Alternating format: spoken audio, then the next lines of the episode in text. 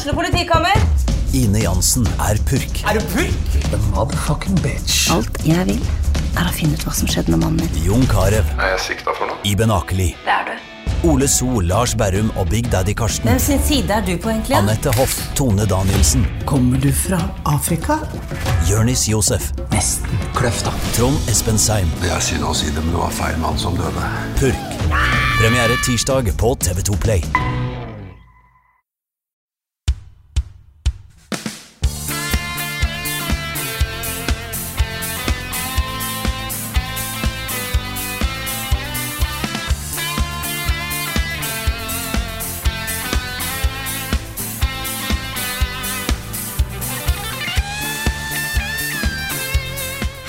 Alle sammen, og velkommen til en ny episode av podkasten Level Backup med meg, Frida Danmo. Og med meg har jeg denne gangen tilbake igjen fra det store utland, Rune Fjell Olsen. Og som vanlig Karl Martin Hogsnes. Hallo, folkens. Hei. Hei, folkens. Det var bra jobba forrige uke. Bra Takk, takk. Takk, takk. Jeg satt og hørte på den mens jeg venta på et forsinka fly på, fly, i flyplass, på flyplassen i Seattle.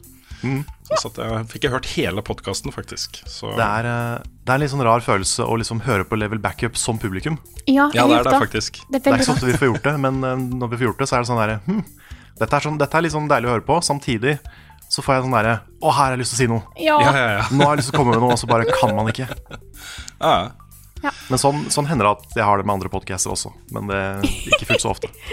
Mm. Ja, skal vi plugge litt, folkens? vi skal plugge litt. Kjør på, Rune. Yes. Ja, søndag 6. oktober så er det da Tiltcast 2.0. Det er en podkastfestival med norske spillpodkaster. Dørene åpner klokka 12.30, og så er det da åtte norske spillpodkaster back to back hele kvelden.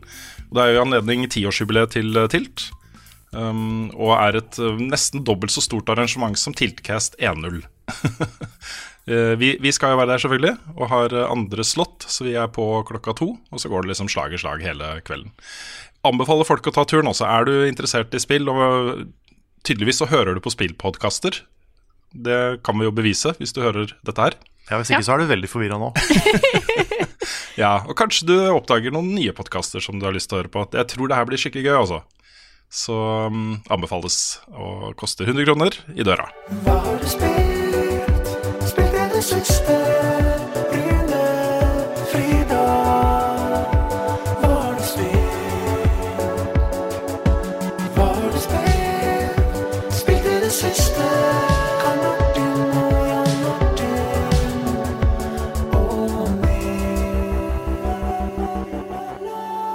Ja, hva har vi spilt siden sist, folkens? Hvem har lyst til å begynne? Rune, kanskje?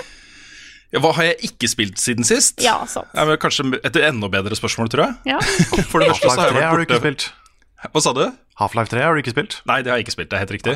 Uh, men jeg har vært uh, fraværende da, fra podkasten i um, et par uker. I tillegg, liksom. Men må jo begynne med liksom, den store tingen som har prega Og fortsatt, jeg er fortsatt ikke helt landa. Jeg har kommet hjem fra Seattle, men jeg er fortsatt ikke helt landa. Uh, og jeg har vært hos Bungie. Eh, nå kan jeg også si hva jeg har gjort der, i hvert fall deler av det. For det er en sånn der, veldig segmentert embargo her. Du har liksom en embargo for det, og en embargo for det. Men jeg har fuckings spilt Shadowkeep, og jeg har vært hos Bungie. Jeg har jo liksom hatt lyst til å besøke Bungie siden midten av 90-tallet. Egentlig så var på en måte Maraton 2 eh, en av de største innvirkningene på at jeg hadde lyst til å eh, skrive om spill og snakke om spill og de tingene der. da En helt fantastisk opplevelse. Og så er jeg veldig glad i Halo og Destiny. Så det har liksom fulgt meg siden midten av 90-tallet. ikke sant? Og nå ble jeg invitert. Av en eller annen merkelig grunn så ble jeg faktisk invitert til Bungie. Det er sært, ikke sant. Der sitter det 24 eh, youtubere og streamere fra eh, Europa, Midtøsten og USA. Primært Europa. Men jeg sitter jo liksom da på Fireteam med Houndish og Datto, som til sammen har liksom 1,5 millioner subs på YouTube. så mine videoer som kommer ut, da, så er jeg liksom i Fireteam med de stjernene der, ikke sant. Så sitter lille meg, da. Du, du, du, Level da, Up Norge. da regner jeg med at du satt der og liksom Hey guys, comment, like, subscribe on Level Up Norge. Jeg gjorde ikke det. Nei, okay. uh, men uh, uh, det var latterlig gøy. Det var latterlig gøy. Jeg møtte Bife, som lager sånne law utrolig bra law-videoer fra Destiny. Bedre law-videoer enn, enn Bungie klarer å lage selv, til og med. ja. Um, så veldig, veldig artig, altså. Det kommer en del eh, videoer fra den turen framover nå. Den som er ute nå, er om uh, campaign. Jeg fikk spilt første uh, story campaign-oppdraget. Pluss da free roam på månen. Så jeg har tatt for meg de to tingene og snakket litt om det. Um, og så kommer det også da på uh, andre ting uh, gjennom helgen og på mandag. Så stort, altså. Jeg, jeg vet ikke hva jeg skal si. det er veldig, veldig gøy. Jeg er eh, Det føles Føles på en måte som jeg la fra meg den kritiske spilljournalisten i Norge. Dro til Bungie, bare hadde det fett. og tilbake. Det er første gangen jeg opplevde akkurat sånn. Jeg har vært hos Kojima, jeg har vært hos besøkt, snakka med Miyamoto, Will Wright og alt mulig rart, liksom. Um, men her var første gangen jeg bare Ok, dette er hobbyspillet mitt, dette er kosespillet mitt. Her har jeg vennenettverket mitt og sånne ting. Og så få spille noe som da ikke kommer før på tirsdag. Det var ganske spesielt, altså. Og så kommer du hjem til Norge, åpner døra til leiligheten din, og der står kritiske spilljournalist Rune med armene i kors og litt sånn Bare pass på litt nå hva du sier. Ja, ja, ja. Men Dette her var en betalt tur, da. Eh, I tillegg, ikke sant. Bungie betalte for både fly og hotell og mat og sånne ting mens jeg var der. Jeg var ikke der lenge, det var to netter. Eh, Men det er Og så ofte så kan man jo si da at den type uh, turer og den type opplegg er med på å liksom påvirke de som er der, til å være positive. Det skal vel godt gjøres å være mer positiv til det spillet enn jeg er, tenker jeg, da. Så hvis, hvis det var det de håpa på å oppnå, liksom, så var det jo liksom penger ut av vinduet, kanskje. Ja, det er, det er litt som om uh, Knorr Lasagne skulle sendt meg til Disneyland. Det er så De får ikke så mye ut av det, men ta gjerne en tur til Disneyland. Yes. Jeg kan gjenta bare ett uh, lite poeng før jeg går videre. Um, uh, videre uh, med historien, som jeg da kan få lov til å snakke om. og det er at nå har de Tidligere så har det vært sånn at med Destiny at du har hatt en stor utgivelse, f.eks. Destiny 1 eller Destiny 2. Uh, og så har det kommet liksom tre expansions, og så har det kommet en stor utgivelse, og så har det kommet tre expansion. Og da har det gjerne vært sånn at de har ikke hatt noe med hverandre å gjøre. Det har vært forskjellige bruddstykker av en historie som ikke henger på greip i det hele tatt. Uh, laget av forskjellige folk og satt sammen av forskjellige teams og, som ikke har snakka med hverandre. ikke sant? Den største endringen de gjør med historien her, er at nå har de satt seg ned. Satt én creative director for hele Destiny, Luke Smith, som har overordna ansvar for at dette skal henge på greip. Eh, Og så sitter det liksom to teams sammen med hverandre, og så et writing team for den ene utgivelse og writing team for neste utgivelse. De sitter ved siden av hverandre og snakker med hverandre. Så jeg har planlagt nå en story som skal gå over et helt år, eh, og konkluderes da til neste sommer hvor den ene eh, ut, utvidelsen avløser den andre med naturlige liksom, storyforlengelser. Og det er en veldig kul greie de gjør der, altså. Så mm, jeg har eh, håp om at eh, dette faktisk også kan bli en del av det spillet som er dritbra. Så jeg kommer til å snakke masse om Destiny framover, så jeg kan la det ligge med det. Men jeg har også spilt um, litt rann The Surge 2. Jeg vet ikke om jeg kommer til å fortsette å spille det, Carl. Jeg beklager, vi hadde en liten sånn diskusjon før jeg dro til Seattle Stemmer. om hvem som uh, burde ta det. Og du hadde Selda og andre ting, liksom. Og jeg hadde DDD, Frida satt med Astral Chain, og Nick satt med Borderlands og, og sånt. Så jeg, jeg installerte det, begynte å spille det, og syns det er for vanskelig. Og så jeg sliter med å komme meg inn i det, rett og slett. For vanskelig, ja. Ja, kanskje ikke for vanskelig, men mer sånn knotete. Fordi uh, det jeg sliter mest med, det er å finne ut hvordan, hvordan utviklerne vil jeg skal spille dette spillet. her Hva er den riktige måten å spille dette spillet uh, her på? For de har en del uh, forutinntatte meninger om hvordan den type spill skal spilles fra andre spill. Um, og kommer inn da i et område hvor det er liksom en fiende der, en der, og så er det en som gjemmer seg bak der. Uh, hvis ikke jeg klarer å ta ut den første liksom dritkjapt, så har jeg tre fiender mot meg. Og de gjør utrolig mye damage, og jeg gir lite damage. Så den Ja, derre dansen som, der eh, mm, fiender som ganger opp, det er vanskelig. det, det var ganske vanskelig i The Surge også. Ja. Det mm, Jeg sleit litt i starten med det første spillet. Jeg, jeg tror det jeg endte opp med å gjøre, var å sette meg inn i det der eh, limb-severing-systemet som de har. Mm. Som eh, går ut på at liksom du kan Du kan targete en kroppsdel på fiender, og så fokusere på den. Mm. Hvis du da klarer å fjerne den, så får du det armor-settet som tilhørte den delen. ja, stemmer. Så du kan jo på en måte grinde nye sett da, ved å liksom ta de samme fiendene igjen og igjen. Mm. Med forskjellige, forskjellige kroppsdeler. Det er veldig makabert, men det er, eh, Det, det funker jo. Det er en litt sånn kul, eh, unik ting som eh, det Mm. spillet har. Jeg tror det jeg sliter mest med, er, um, det er uh, å huske å bruke komboer, for det er komboer i det spillet her. Uh, slagkombinasjoner med heavy og light attack.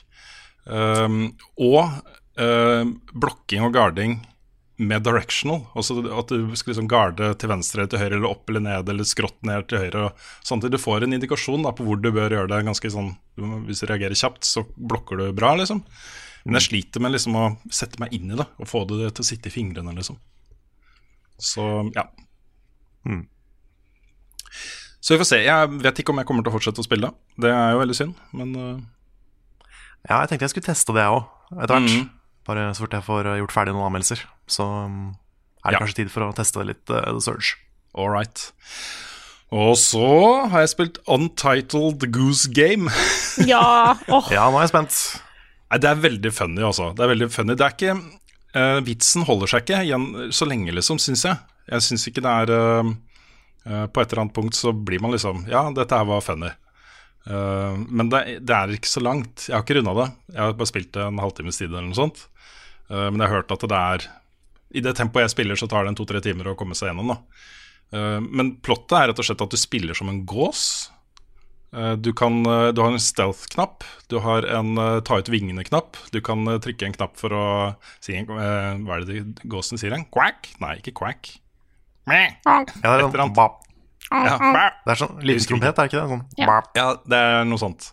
Eh, og du kommer da inn i et område i liksom sånn suburb, suburb, suburbia.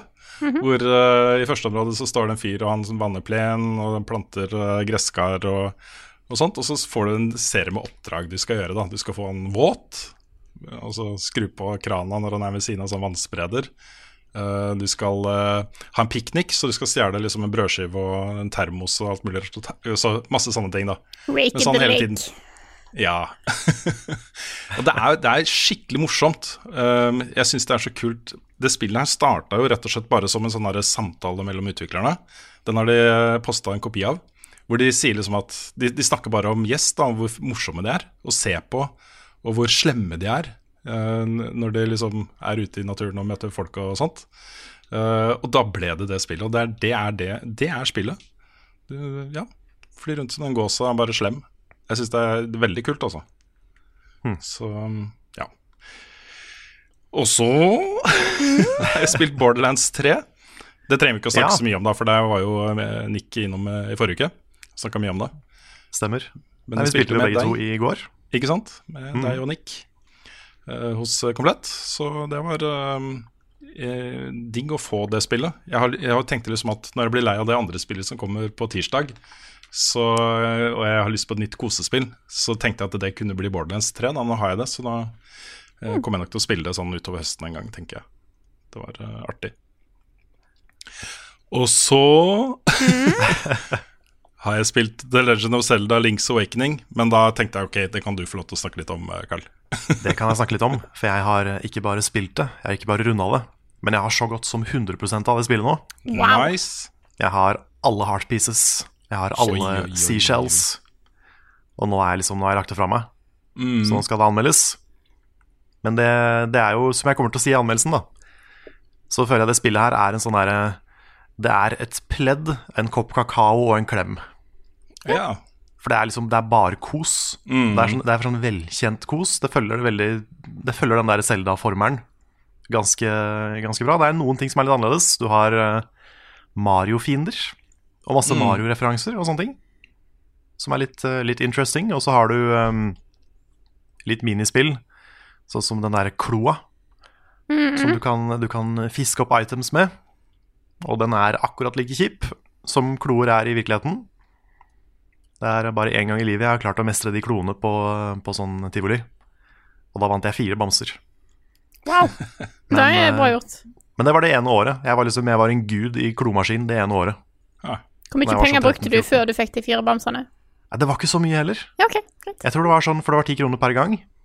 Og så, og, og så tror jeg kanskje jeg brukte sånn 50-60 kroner, så det var jo ganske bra. ja. Og jeg endte opp med å ta med alle de fire bamsene på skolen dagen etter og gi det til jenta jeg var litt forelska i. Oi, oi, oi. Det holdt ikke med bare én, det var fire bamser, så jeg bare drassa de med meg. Og bare lempa, sånn. de, lempa de i fangen og turte ikke å si noe. Det er sånn Her, ta en bamse! Ta alle! Ja, sånn, eh, jeg har, har du bamse, har du lyst på det? Det er ikke så farlig for meg. Men eh, nei, men den eh, Tilbake til Rings Awakening. Det, det er jo utrolig sjarmerende, først og fremst. Bare um, verden er sånn fargerik og fin, musikken er flott. Det har um, Jeg får mange assosiasjoner til Link to the Past og Link Between Worlds og de top down uh, Zelda-spilla. Det er jo veldig i gate med de. Eh, Det er mer fokus på hopping, for du får en sånn hoppe-item ganske tidlig. Som, eh, som gjør at du liksom kan hoppe gjennom hele spillet, og det, det bruker du jo. For alt det er verdt. Og du kan kombinere det med andre abilities og sånn, og det er ganske kult. Så um, Det virker som et sånt Zelda-spill hvor de hadde mye overskudd og mange gode ideer og, og sånn. Jeg har lest at det er inspirert av Twin Peaks, som også er litt uh, interessant, for det er jo en veldig sånn koselig, uh, varm, uh, enkel historie, egentlig. Men med en litt sånn melankolsk undertone også, Mm. som, som kommer mer fram etter hvert. Så det er et, et veldig, veldig kult spill. Jeg syns det er kjempebra. Det kommer til å få en høy score. Det, det gjør jo ofte Zelda-spill, men jeg syns det er fortjent. Mm. Så jeg tror det tok meg en eh, Kanskje sånn 15 timer å spille gjennom det. Ikke så gale, Så det er jo mm. Det er ikke så gale. Nei, det er ikke så verst. Det er, eh, det er liksom, Man får inntrykk av at det kanskje er litt sånn lite og kompakt, men det, og det er jo det. Verden er ganske liten. I hvert fall satt opp mot andre Zelda World Maps og, og sånn. Men de har gjort så mye ut av det. Det er så mye overalt. Det er sånn massevis av små hemmeligheter og små ting å finne. Og de, har liksom tatt, de har pressa veldig mye inn i veldig lite. Og det er kult. Og det er sånn, kanskje et tegn på at de gjorde veldig mye ut av Gameboy back in the day. For det var jo eh, opprinnelig et Gameboy-spill, det her. Um, hvor de hadde ganske lite plass og veldig lite å jobbe med, men de gjorde veldig mye ut av det lille de hadde. da. Og det er jo ofte sånn ofte oppskriften på, en, eh, på, på bra design av spill. Hvor de må liksom jobbe seg hardt rundt begrensninger og sånn. Mm. Og det er, det er kult at de på en måte De har lagt til noen nye ting. Eh, litt sånn Dungeon Maker og sånne ting. Men stort sett altså, så er det det samme spillet. Og det er fortsatt bra i 2019. Mm. Og det sier litt om kvaliteten på det spillet da. Så eh, jeg hadde jo ikke spilt originalen før, så det var jo mitt første møte med, med Leagues Awakening. Det er det samme her også. Jeg har heller ikke spilt originalen. Nå starta jeg å spille det med sønnen min, da, og vi koste oss veldig. Det var sånn ordentlig koselig. Og han spilte jo starten, og så kom vi inn til Mysterious Forest, og da ga han meg kontrolleren. Ja, ok. Så eh, jeg har ikke kommet så mye lenger enn det, men uh, Ja, det er et fint sånt eh, Dette er et fint sånn starting-spill, hvis man er litt Mm. sånn eh, nysgjerrig på spillet eller litt ung eller liksom ikke har, ikke har spilt så mye før. Mm. Så er det her et veldig fint spill å starte på. Det er liksom enkelt. Det er ikke noen kompliserte controls. Det er på en måte bare, bare gøy. Mm. Men også ganske sånn Jeg vil ikke si at combaten er så vanskelig, men det er en del puzzles, spesielt seinere i spillet, eh, på litt sånn late game dungeons og sånn, som er litt tricky. Jeg var litt sånn semi-stuck et par, par ganger. Og det er ikke så mange Zelda-spill jeg blir liksom stuck i. Så, um, så noen, av de, noen av de puzzlesa på slutten er, er litt tøffe. Mm. Men sånn, eh, bare for å si noe om den dungeon makeren, da, så har det vært litt sånn spekulasjoner om er dette her Super Mario Maker, men for Zelda. Og det er det ikke. Det er på en måte bare du får eh, ferdig oppsatte rom, og så kan du organisere hvor de er. Og så får du ting som er inni. Hmm. Sånn, hvis det er en skattkiste i rommet, så kan du åpne den. Og hvis du, så får du sånne challenges underveis om å liksom lage et rom som har de kistene lag et rom som har så og så mange nøkler, eh, sånne ting. Og da får du rewards i spillet da, for å, for å gjøre de.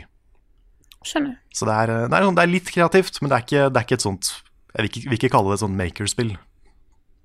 Det er bare en litt sånn eh, artig sideting man kan gjøre hvis man vil. Og som man må gjøre hvis man skal få alle hjertene, sånn som jeg vil ha. Ja. Så jeg, det, det ble en, en lang session med bygging mot slutten. Så ja, det, det kommer en anmeldelse. Jeg kommer til å gjenta mye av det jeg sa nå, men uh, skal prøve å gå litt mer i dybden på, på hva jeg liker med det spillet her. For det er ikke så mye jeg ikke liker. Det er bare kjempekos. Mm. Så kan jeg også nevne veldig kjapt at jeg eh, i går, mens vi dreiv og uh, tulla rundt hos Komplett, så testa jeg veldig kjapt uh, Mario Kart Tour. Tour. Ja, Mario Kart Tour. Det er mulig jeg kommer litt tilbake til den nyhetsspalten, men vi kan da for så vidt ta det nå også. Ja. Ja, det er uh, up to you. Jeg spilte det bare en halvtimes tid. Mm. Jeg hørte det i du tre minutter. selv- Ja, Du kan se, si hva du syns om selve spillet, så kan vi snakke litt om de andre tingene i nyhetsspalten, kanskje. Ja. Ja, det, det kan jeg gjøre. Jeg, jeg testa jo bare et par, uh, par races. Og de var jo, uh, det var jo Mario Kart, sånn sett. Det var uh, uvant å bare liksom swipe for å styre. Jeg har alltid den der drift-moden, og den tok litt tid å venne seg til, kjenner jeg. Ja, jeg prøvde det Jeg prøvde det litt før i dag. Fikk installert det, og så fikk jeg kjørt tutorialen. Og så i dag jeg skulle kjøre et faktisk race, så krasja telefonen min. Men Ah, ja. jeg klarer ikke helt å jeg, han, er, han er litt rar, den driftinga. Mm. Han er det. Det funker jo veldig bra på konsoll, når du velger når du skal styre og når du skal drifte, på en måte. Ja. Men det er litt vanskelig å gjøre det på mobil. Så um, jeg endte opp med å sette på gyrofunksjon for å kunne svinge med gyro, og så i tillegg eh, drifte med touch. Og det funka litt bedre, men jeg har fortsatt ikke helt funnet liksom, det perfekte kontrollsystemet her, da. Men um, Men ja, det er sikkert dette her vi kommer tilbake til seinere, men jeg merker jo at det følger jo veldig den der kjipe mobilspilloppskriften. Og jeg har ikke fått noe mas om å kjøpe noe ennå, men jeg vet det kommer. Og du får jo sånne rewards, du får sånne racers og buffs og sånn gjennom sånn pipes hele tida. Og jeg bare Det lukter så lootbox lang vei. Og det er litt sånn trist å se det fra liksom et offisielt Nintendo-spill. Jeg tenker vi kan ta den diskusjonen litt nå, ja, og så, um, siden Ja. vi allerede snakker om det. Fordi um, d- eh, dette spillet her, også disse pipesa, uh, gir jo rewards. Uh, du kan også kjøpe rewards fra de pipesa med rupees. Og rupees kan du kjøpe for ekte penger. I liksom, eh, fra små til store pakker som koster liksom mer og mer, da. Eh, det er kosmetikk, liksom. Det er nye gliders og wheels og eh, skins og, og sånne ting, liksom. Um, man må ikke bruke pengene, men det er der. Jeg syns det er litt kjipt. Og i tillegg, av en eller annen ufattelig merkelig grunn, som jeg ikke forstår, så har det et abonnementsopplegg også, hvor du betaler da fem dollar i måneden. Og det du får tilbake, er um, Du låser opp 200 CC. Og så får du noe en gang i måneden så får du noe sånn gold uh, items. Sånn uh, sikkert gliders og uh, wheels og sånt, det også. Men sånn uh, okay. sp- spesiell kosmetikk da, som du bare får hvis du abonnerer. Hvorfor skal du betale fem dollar i måneden for det, tenker jeg. Altså, det, det virker som det er bare lagt inn i, i tilfelle noen velger å gjøre det, og mange gjør sikkert det. da. Ja, Det virker som de liksom tenker at dette er sånn Mario Kart MMO. Ja. Hvor du skal spille det online over lang tid og abonnere for å kunne gjøre det og få features. Og det er sånn Det er ikke interessant for meg, ass. Ja, de skal jo legge til uh, faktisk multiplayer. Uh, sånn som det er nå, så kjører du bare mot tidene til andre i multiplayer. Altså, du, Ja. du kan ikke faktisk kjøre mot andre i real time. Det skal de jo legge til etter hvert, så det kan jo hende at de ser på det litt på den måten. Kanskje det kommer en, en banecreator etter hvert, kanskje det kommer flere verdener og flere baner og flere racer og carts og alt mulig rart. da. Så det kan jo hende.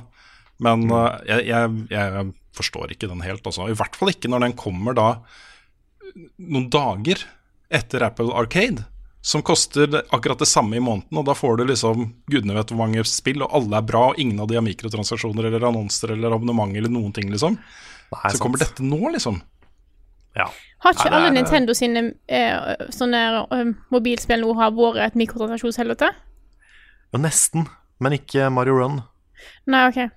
Mario Run var, eh, det, var, det sto in app purchases, men det det betydde, var at du kunne laste ned en demo og så kjøpe spillet. OK. Mm. Og jeg hadde et lite håp om at Mario Kart skulle være sånn, Ja. men eh, tydeligvis ikke. Nei. Så det var litt, eh, litt skuff. Mm. Er, Men kan- eh, ja. Kan jeg legge til noe her, for jeg glemte var et spill jeg glemte, eller var egentlig en ting jeg glemte å snakke om uh, når jeg Ja. holdt på. Og det var jo Apple Arcade, for jeg har testa massevis av de spillene som var der. Jeg skal ikke snakke om alle de, jeg har lagt ut en anmeldelse hvor jeg har snakka litt om tjenesten og, og sånt på YouTube-kanalen vår. Men det er ett spill jeg har lyst til å trekke fram, og det er Sayonara Wild Hearts. Dette er jo fra det svenske selskapet Simogo, som er av, et av mine aller eh, altså Et av de spillselskapene på mobil jeg liker aller best. De har lagd The Airwalk, de har lagd eh, Beat Sneak Bandit og de har lagd eh, Device 6. Og alle de tre spillene er jo helt forskjellige fra hverandre. Og det er også, også Sayonara Wild Hearts er jo helt forskjellige fra de tre spillene der. Så de eksperimenterer og holder på og koser seg, ikke sant. Og det føles så godt å spille det spillet der. Eh, Det føles så godt at jeg sannsynligvis kommer til å kjøpe det også på PlayStation eller Switch. eh, Og spille det der også, for det er et eller annet med Og så vekker litt den der samme følelsen som eh, Tetris Effect gjorde i meg. Den der kombinasjonen av gameplay og musikk som er helt nydelig, altså. Ordentlig, ordentlig gledesbombe av et spill, det der, altså. Jeg tenkte jeg skulle spørre deg, for jeg har jo ikke iPhone. Nei. Jeg er jo Android. Eh, så om du tror at det kan være bra på konsoll òg, for jeg ser det er på Switch. Jeg tror tror det er eh, kjempebra på konsoll også. Ja. Dette er vel det. som dette, altså Det er et gameplay her, sånn Endless Runner-inspirert gameplay. Hvor du skal skifte lanes, og så skal du liksom trykke på riktig tidspunkt. Og det er gjerne da i takt med musikken også, for å gjøre forskjellige moves og sånne ting. Uh, men det er massevis av forskjellige verdener, og de er veldig forskjellige fra hverandre. Uh, og det introduseres hele tiden nye gameplay-mekanikker fra bane til bane. Som, eh, som er mer sånn kreative. Altså de er, eh, det er ikke noe komplisert å sette seg inn i dem, men det er Å ja, shit, du kan gjøre det også, liksom. Uh, men det er først og fremst for meg da en opplevelse. En sånn opplevelse for sansene, liksom. Hvor du sitter og bare koser deg med musikken og fargene og hvordan det ser ut, liksom. Uh, og føles å spille. Og det er overførbart til alle plattformer, uh, for meg, da. Apropos eh, du nevnte Tetris Effect. Jeg har jo fått The Tetris Effect eh, de siste ukene av å ha spilt så mye Monster Hunter. Ja. Ja. Så jeg endte jo opp med å drømme om Monster Hunter om natta. Eh, Ja. Nesten hver natt. Hæ. Så det mm, Noen spill gir meg det, altså. Mm. Verste av de jeg har fått, er Catherine. Da jeg spilte Catherine på PS3. For det, Ja. det gameplayet er så intenst, hvor du skal klatre opp det der tårnet, Mm. og du er så anspent hele tida. Det, det, det bare rant over i alt. Nå skal jeg ta på meg Freud-barten. Og bare, Ja. det, er, det er jo en stor baby der også ved det tårnet, Carl. Det er jo det. Mm. Det var ikke Kan det jeg være- drømte om, da, men uh, Nei. du kan godt uh, tolke det på den. du kan godt tolke det dit. At det er min biologiske klokke, dette her. Ukens anbefaling. Hva skal jeg finne på? Ukens anbefaling. Hva skal jeg finne på? Ukens anbefaling. Hva skal jeg finne på? Ukens anbefaling. Hva skal jeg finne på? Nå har jo Rune vært vekke i ei hel uke. Så da har han selvfølgelig en serie å anbefale. Ja, jeg kunne ha anbefalt opptil flere, fordi jeg har sittet da liksom 13 timer på fly to ganger. 26 timer på fly, nesten da, fem- 25 timer ca. og det var bare på tilbakeveien jeg kunne spille Apple Arcade. Så jeg fikk sett utrolig mye TV-serier. Blant annet så så jeg When They See Us. Ja. Det er litt flaut å sitte på flyet og nesten begynne å grine, liksom. Eh, men den var sterk, altså. Ja, fy fader. Um, ja, jeg fikk sett ferdig Breaking Bad, så den er liksom helt unnagjort nå. Nice. Uh, Men den, den serien jeg tenkte å anbefale, det er en serie som jeg mener er helt ufattelig viktig. Uh, Den heter Unbelievable og er på Netflix. Og dette handler om en veldig stygg sak fra virkeligheten, hvor, eh, eh, basert da på en artikkel eh, som sto på ProPublica i forbindelse med noe som kalles The Marshall Project. Eh, Og historien, eh, Saken het da The Unbelie Un Unbelievable Story of Rape og handler om en ekte sak hvor um, en ung jente blir dømt for um, feilaktig informasjon til politiet. Og så Hun anmelder først en voldtekt, og så trekker hun um, anmeldelsen og sier at det ikke skjedde, at hun fant det på. Og så blir hun tiltalt og dømt for falsk forklaring eh, til politiet. Eh, og så viser det seg senere da at, eh, at eh, i liksom de omliggende distriktene så herjer det da en voldtektsmann eh, som har samme modus som det hun fortalte om først. Og så er, handler disse sakene om etterforskningen osv. Det er også Dette er jo et tungt tema. men nå er det sånn at dette er et stort, stort problem med ekstremt høye mørketall. Dette skjer mange flere enn det som er offentlig kjent. Eh, det er lav tiltaleprosent og, og dom, domsfellelse i den type saker. Fordi det er et, også vanskelig å bevise alle, de- alle de tingene der. Det er ikke alle som har kamera stående på alle rom for å finne ut Ikke sant. Så, ja, det er så vanskelig å ha håndfaste bevis i mange av disse sakene, og da blir det ord mot ord. Ikke sant. Og i tillegg, så, så i hvert fall som mann, da, det å på en måte Også man kan man, Alle vet jo hvor fælt at dette er dritfælt, men å virkelig føle det på kroppen, og virkelig liksom forstå hvor, hvordan det påvirker de som rammes, osv. Det er liksom litt sånn abstrakt ting, da. Det er ikke sånn det er litt vanskelig å få tak på hvor ille dette er, og hvor mye det påvirker livene til de det uh, gjelder, og, og sånne ting. Og det denne serien her gjør veldig godt, det er å flytte det litt tettere. Altså Du får et, et bedre, en bedre forståelse rett og slett av uh, hele den greia her. Eh, og det er veldig godt uh, eksemplifisert av de to første episodene. Hvor den første så får du da uh, hun unge jenta, uh, som er spilt av Kate Endeavor forresten, som også gjør det veldig bra i en annen serie som heter Booksmart. Um, hvor det først da kommer en politimann på åstedet og stiller alle de riktige spørsmålene og sånt, og hun svarer, hun svarer klart og tydelig med liksom frist i minne de tingene der. Og så kommer da den offisielle liksom detektiven på saken og stiller alle de samme spørsmålene eh, en gang til, og da begynner hun å bli liksom altså Han er litt mer kritisk da, til hva hun sier, så hun begynner å bli litt sånn usikker. Og så dagen etter så er hun på politistasjonen, og da kommer det enda en etterforsker som stiller alle de samme spørsmålene en gang til, og så må hun settes ned og skrive ned en forklaring på hva som har skjedd. Og til slutt så er det liksom noen punkter da, som spriker litt i forklaringen hennes, og sånne ting, som ender opp med at de presser henne til å eh, si det ikke skjedde. Og hun tviler på seg selv òg, ikke sant, fordi eh, ja, det er, eh, har gått litt tid og masse spørsmål og sånne ting. Og så ser du da i neste episode en ny sak, nye etterforskere, som behandler det riktig og som liksom forklarer at uh, etter en sånn traume som dette her, så kan detaljene være uklare. Noe av det vil komme tilbake i bruddstykker. Uh, ta det med ro, liksom. Bare uh, fortell det du husker, osv. Og, så videre, og ikke presse på på den samme måten. Så når du setter de to, sidene, de to episodene opp mot hverandre, da, så tror jeg du får et veldig vanlig, eh, vanlig problemstilling i denne typen saker. Eh, for dette må behandles på en veldig spesiell måte for å få fram korrekt informasjon. Da. Um, jeg syns det var interessant. Så er det, en veldig, det er jo en veldig fæl, men også spennende serie. Altså det er en etterforskningsserie, og, og sånt, den er godt laga og godt spilt. Tony Collette og Merritt Weaver spiller hovedrollene eh, som etterforskerne her. Um, veldig bra. Det er interessant hvordan sinnet av og til prøver å beskytte seg sjøl mot traumatiske hendelser. Det er, det er, menneskehjernen er en, en, en rar plass.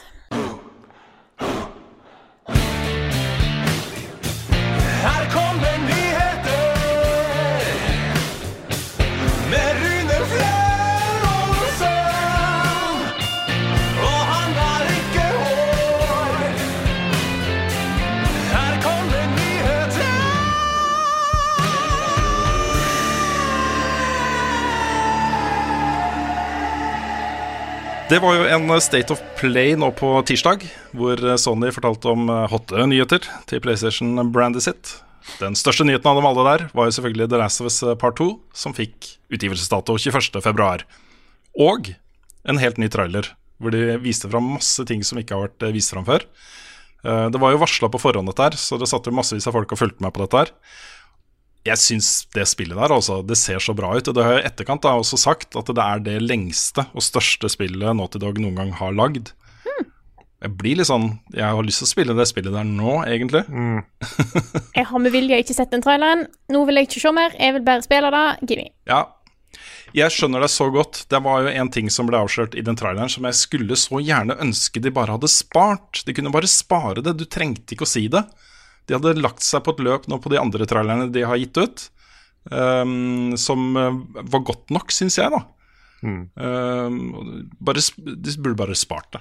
Jeg tror alle som har sett det Nå gidder jeg ikke å nevne det, siden du ikke har sett den, Frida. Nei. Men, eh, men jeg, tror, eh, jeg, jeg tror alle som har sett traileren, skjønner akkurat hva jeg snakker om. De burde bare ha spart det, altså. Det var unødvendig. Ja, jeg er litt enig. Men jeg, jeg blir litt overraska også over utgivelsesdatoen. Eh, Fordi For meg så har det, her, det spillet her virka som et sånt Det kommer aldri, for det er så, det er så langt unna. Det er sånn, jeg, jeg orker ikke å tenke på det engang, for det er så langt unna. Mm. Men så er det under et halvt år til det kommer nå. Ja, det er faktisk det. Og det er, det er litt fett. Jeg tenkte liksom, Mm. hvis, det, hvis det kommer i 2020, så er det sånn høsten 2020, tenkte jeg. Men eh, det er pokker ikke langt unna, ass. Det er en eh, snau uke etter uh, fireårsjubileet vårt. Ja, det er det. Mm. Åh, kanskje vi har fått anmelderkode på jubileet vårt. Det kan hende. Nei, det så latterlig bra ut. Um, det var jo flere nyheter på den uh, State of Play der som, uh, som har skapt litt bølger i etterkant. Først og fremst da kanskje um, det glimtet vi fikk se av, uh, av Call of Duty, Modern Warfare. Hvor det sto med bitte liten skrift at um, uh, survival mode til Spec-Ops-delen av uh, Modern Warfare vil være eksklusivt på PlayStation 4 i ett helt år. Da gikk jo internett bananas. Det er så dust! Jesus Christ! Herregud! Ja, det er tull, altså. Hva vil det si, survival-moden? Nei, altså, Utviklerne har jo i etterkant da, Infinity Ward gått ut på sosiale medier og sagt at dette representerer 1% av den totale spillopplevelsen. Altså det er et, et eget mode da, eh, i Spec-Ops-delen av spillet som eh, ikke da vil være tilgjengelig på noen andre plattformer enn PlayStation 4. Men ok, For det, det, er da at det er et år, sant? Og det er det som er så dust. For Call of Duty kommer ut hvert år. Så i da, Ja. da tidspunktet der det plutselig blir tilgjengelig på andre plattformene, så har det kommet et nytt spill. Ja, Ja. Så ja. Nei, Det er jo de folkene fra Infinity Ward som var ute, og- ute og uttalte seg. De uh, sa jo én at det representerer en veldig liten del av hele pakka, liksom. To at uh, det er synd hvis dette her tar fokus bort fra det de liksom Altså eh, de legger sjela si i dette her og mener de har lagd et veldig bra spill, og det er masse andre ting her å ta tak i og sånne ting. Uh, de er lei seg da, for at folk er sinte. Og tre, beslutningen ble tatt langt over hodene til Infinity Ward, ble sagt. da. Selvfølgelig. Ja. Det er jo Activision, det- dette her. Og jeg er ikke Ja. overraska. Og så er det òg da at um, det, det er liksom to ting. Jeg er enig i at ja, dette er en liten ting å henge seg opp i, men jeg er litt imot på en måte, prinsippet, syns jeg er så dumt. Og det andre er at hvis det, hvis det her var bare en filleting i spillet, så ville aldri Activision og PlayStation gått med på ok, vi har dette her som en eksklusiv ting. Det betyr at det er en viktig nok ting til at eh, Activision har betalt for at det skal være Eller hvor, hvor går betalingen her? Eh, ja. Men dere skjønner hva jeg mener? Mm.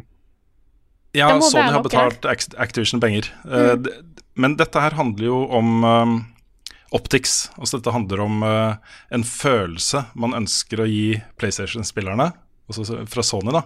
Om at eh, hvis du kjøper vår versjon, så er det den komplette versjonen. Og Uansett om det er en liten eller stor del av spillet, så er ikke det så viktig, tror jeg. da Jeg tror bare de vil ha noe hvor de sier at det er bare på PlayStation du kan spille dette her. Ja, ja jeg kan se den. Ja. Ja. Så det er ren marketing. Um, Det er jo det. Men det er jo kjipt for alle som Ja. ikke har en PlayStation. Yes er eh, Ja, jeg, jeg liker ikke det der også. Eh, vi fikk også vite at Civilization 6 kommer til PlayStation 4, og umiddelbart etterpå fikk vi vite at det også kommer til Xbox One eh, den 22. november. Riktig.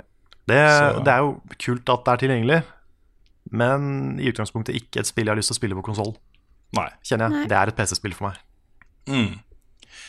De har jo tidligere gitt ut Civilization-spill på konsoll, hvor de har eh, justert en del på kontrollsystemet og sånne ting for å gjøre det lettere å spille det med en håndkontroller. Mm. Så de har nok gjort en del jobb her også. Det er sikkert derfor det har tatt såpass lang tid også, vil jeg tro. At de har jobba med Ja da, det, det har de helt sikkert. Men jeg bare merker at liksom uansett så er det Det er litt som å bygge en Mario Maker-bane uh, med da en sånn Switch-kontroll. mm. At det er ikke det samme som å bruke touchscreenen. Nei. Det, blir, det, det er umulig å få det like smooth. Mm. Så jeg, jeg har litt følelsen av at det gjelder her òg. Mm. Ikke for å være veldig negativ før det har kommet, altså, men jeg bare, liksom, det, det, det er så PC, det, den serien for meg. Mm, jeg skjønner det, altså. Uh, State of Play ble også innleda av en helt ny trailer fra et helt nytt spill som heter Humanity. Det kommer da fra Tetris Effect-utviklerne, uh, Enhance. Og det så funky ut, altså. Ja, det så ganske kult ut. Jeg ble sittende, jeg satt i sofaen her med Nick, som skulle låne sofaen fordi vi skulle til Komplett eh, dagen etter. Og eh, vi ble, satt og var litt sånn her Oi, hva er det her for noe? Så ble vi bare mer og mer forvirra jo lenger den traileren eh, gikk.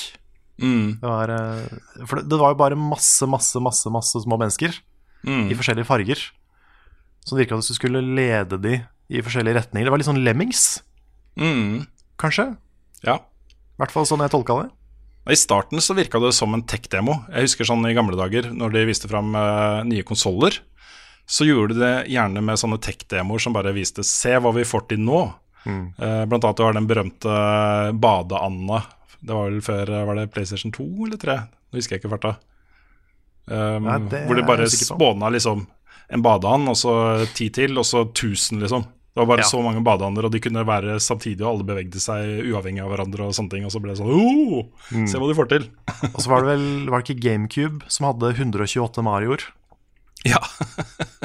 Som skulle vise at du kunne ha så mange Marioer på skjermen. Ja. Nei, for det minte meg litt om det, da. Uh, den derre uh, Sånn eh, En folkemengde med individer som beveger seg uavhengig av hverandre. Det er en sånn fremskritt i teknologien, ikke sant. Eh, men jo mer vi så i traileren, jo mer fikk vi jo se av faktisk gameplay. Hvor eh, du hadde f.eks. på slutten her, så sto de liksom på toppen av en, eh, et tårn rundt en firkant med gønnere. Mens da de andre hordene kom og klatra opp for å prøve å ta de, liksom. Ja, det ble plutselig litt sånn dark. Ikke sant? Så tydeligvis sånn der Last Man Standing-konsept, ikke sant. Mm. Så um, ja, men det så funky ut. Det så veldig funky ut. Og så tenkte jeg bare nevne også Arise, som også ble vist fram der. Og det bare umiddelbart sånn Ja, dette vil jeg spille. Det var jo veldig journey, da. Veldig journey. Ja, til og med den derre komme over en åskam og se det fjellet i det fjerne som du skal til, ikke sant. Mm. Akkurat det samme som uh, journey. Ja, det var Journey featuring julenissen, på en måte. ja. Det var da en sånn mann med skjegg, langt hvitt skjegg, Mm. som skulle navigere. Men det var utrolig pent. Kjempepent. Så, og med en sånn strøk av noe litt sånn skummelt. Det var en sånn scene der hvor det var masse sånne der svarte gjen, eh, eh, eh, skapninger som sto i veien for deg, liksom. Så ja, det der gleder jeg meg til å spille. Det kommer 3. desember. Vi har allerede snakka Mario Kart Tour, så den hopper vi over. Men jeg vil nevne at i helgen får vi se hva TV2 sin store e-sportsatsing er for noe. Eh, De har sine første sendinger da, fra ESL1 New York på lørdag klokka 18.30 og søndag klokka 19 på TV2 Sumo. eh, Hvor da bl.a. Rain og Face er i aksjon. Um, Det er semifinale på lørdag. Face blir spennende. De har jo De. De, de har nettopp kjøpt opp uh, Cold Zero, var det? Det tror jeg skjedde i natt. Alright, det, Det, laget med. litt Nei, nei da, eh, jeg tror det var det jeg hørte fra Petter i dag tidlig. Det laget har vært De har mista litt. De har mista Guardian. Han er flytta til eh, Han har bytta lag, og, så de har litt få spillere nå. Så vi får se hvordan det går. Det blir spennende. Mm. Det blir kjempespennende. Og TV 2 har jo ansatt eh, ikke en hel haug med folk, men eh, nøkkelfolk, da. Eh, Programledere og kommentatorer og eksperter og prosjektledere og sånne ting, og skal satse på e-sport, og dette er det første. da. Så jeg er veldig spent på hva du får til der. Gleder meg til å se det. Kommer Ruen sin standup på DVD, eller? Kan jeg selger et guttenavn? Hva er det vesle karet sitt? Hvilket språk snakker Frida egentlig? Hvorfor er Mario rørlegger? Og vi begynner denne ukas si uken, og uka og uka er vanskelig å velge, men vek, denne ukas spørsmål- og svarspalte med spørsmål fra Jon Magnus Hansen, som spør. Nå er det viktig at dette er ikke kun rettet mot dere, men òg andre anmeldere. Oftere og oftere opplever jeg at jeg leser en anmeldelse hvor karakteren som gis, er 8 av 10. Blant deres siste anmeldelser så er 8 av 15 anmeldelser gitt karakteren 8 av 10. Dette er da Astral Chain, Telling Lies, Man of Medan, Dark, Dauntless, Super Mario Maker 2, Cadence of Hyrule og Bloodstained. Er det for lett å plassere et spill i 8 av 10-kategorien? Er det kanskje litt safe? Jeg skjønner spørsmålet, fordi Ja, jeg, jeg har, skjønner jeg har tenkt på det sjøl flere ganger. At liksom, ja, det er mange spill som får åtte. Eh, og noen ganger så tenker jeg sånn Det er kanskje litt kleint hvor mange ganger jeg gir den karakteren. Uh, samtidig så får jeg den der Men jeg kan, jo ikke gi den, jeg kan jo ikke trekke den opp eller ned hvis jeg ikke mener at den skal opp eller ned. Mm. Så den er litt tricky. Um, er Jeg er jo- ganske, jeg er ganske klar på at uh, når jeg gir 8 av 10, så er det fordi Og det er egentlig alle karakterer jeg gir, er det fordi jeg mener det spillet fortjener den karakteren. Mm. Eh, og 8 av 10 er jo den derre terskelen hvor eh, et spill blir virkelig bra, da. Mm. Hvor eh, eh, du liker det skikkelig godt. Og så det er ikke bare et spill med mange gode ideer som st kanskje funker eh, litt, men ikke helt. Eller altså når, når du er på sju og seks og nedover, så begynner du å trekke for ganske store ting da, i spillopplevelsen. Men når det er skikkelig bra, så fortjener det liksom en åtter. da. Ja. Man, kan, man kan liksom ikke nekte for det. Nei, fordi det er noe med den åtteren hvor ni er mye høyere, og sju er en god del lavere. Mm. Så det er en del spill som havner der. Og det er jo også fordi, um, som vi har snakka litt om før, uh, at vi, uh, vi anmelder jo vi, vi prioriterer å anmelde de spillene som vi tror kommer til å bli bra. Ja. Så vi, vi er jo ikke en sånn kanal som uh, med vilje graver opp noe drit for å anmelde det, og så bruker tid på å snakke om at det er drit. Så sånn ideelt sett så hadde vi anmeldt flere spill på for en bredere skala, liksom. Mm, absolutt. Men det vi må gjøre for å kunne anmelde det som er relevant da, og spennende, det er å nedprioritere det som ikke er så bra. Mm. Det er jo når jeg spør liksom, jeg foreslår hva jeg kan anmelde, så er det jo enten eh, spill som jeg sier at dette har jeg lyst til å spille uansett, eh, og kan da slå liksom to flagg i en smekk. Eller så er det ting som eksempel Rune sier at dette er et spill som jeg tror er nok for deg, Frida. Eh, og da er det sannsynligvis nok for meg, og da Mm. syns jeg som regel det er bra òg. Eh, så det er, det er litt da, da. kom, altså det kommer jo massevis av bra spill hvert eneste år. Og ikke bare Ikke se på spillmediet som én ting, men se på alle sjangerne, liksom. Eh, Alle sjangerne du har der. Innenfor hver sjanger så kommer det alltid noen få spill som er kjempebra. Da. Eh, Og vi anmelder jo bare en brøkdel av de spillene som kommer ut. Jeg sitter jo og tester massevis av spill, en time eller to, liksom, for å se om det kan være noe jeg eh, mener det er verdt å anmelde. de, mange av de spillene, jeg vil si kanskje de fleste av de spillene jeg tester på den måten, ender jo ikke opp med anmeldelse.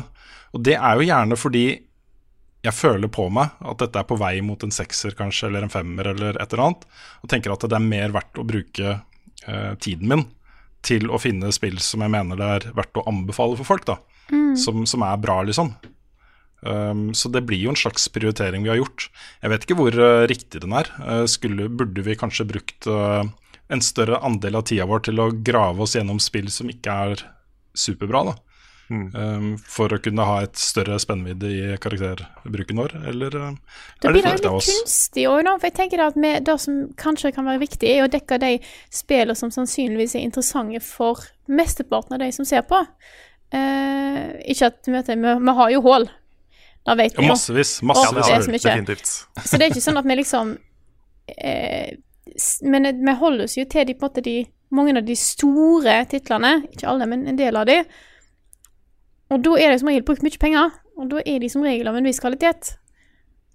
Ja, så må folk også være klar over at, eh, at det jobber bare to mennesker på heltid i dette prosjektet vårt. Um, det er bare du og jeg, Carl, som gjør dette her eh, hele dagen og hele kvelden og ofte hele natta og helgen og, og sånt, liksom. Vi, har, eh, vi, vi anmelder jo ikke bare spill, vi gjør en del andre ting også, som vi må gjøre. Um, Frida, du har tatt doktorgrad. du er heltidsansatt på NTNU. Ja. Uh, Level Up er et sideprosjekt, et hobbyprosjekt eh, for deg. Um, det virker jo ikke sånn, for du er så til stede, liksom. Du er med i podkasten og lager innslag, og du er med på streams og, og sånt, men dette gjør du på fritiden din.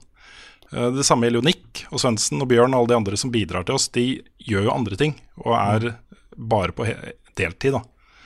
Så hadde vi hatt liksom fem anmeldere på heltid, så hadde vi jo anmeldt utrolig mange flere spill. Ja. Det er det ikke noe tvil om. Og det for meg er det da at hvis jeg skal bruke den fritida jeg har, som ikke Når du regner på det, så er det ikke så mange timene i uka. Så liksom hvis jeg da skal si at ja, denne uka her har jeg satt av alle timene jeg har hatt fritid til å spille et spill som jeg ikke liker i det hele tatt, og så skal jeg bruke lang tid på å prosessere det og redigere det. Det er liksom Mm. Det, det, er, det er ikke da Selv om det er er jobb, selv om det er jobb så er det sånn Det blir en kombinasjon av, av eh, fritid og arbeid. Da Mm. er jeg mer selektiv.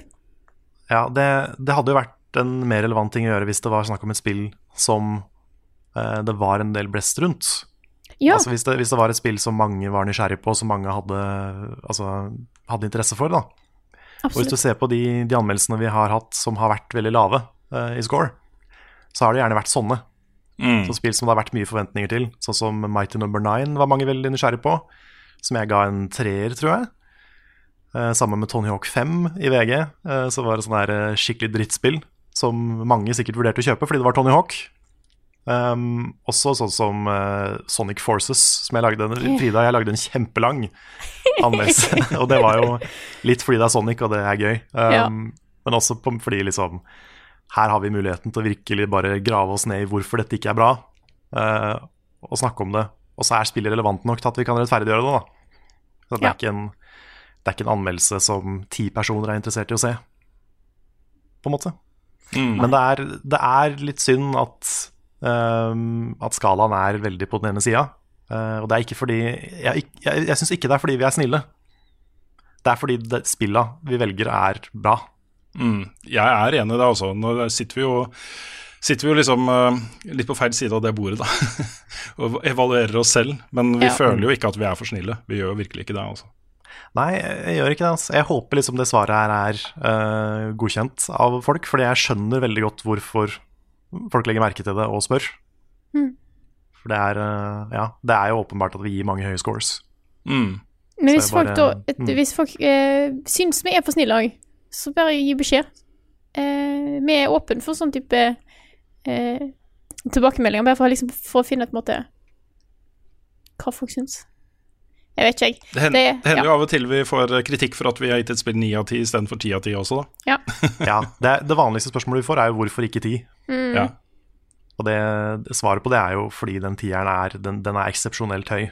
Mm. Den skal, altså de, det er de historisk bra spilla, de beste spilla, får ti av ti. Ja. Og den, den sitter langt inne å gi. Mm.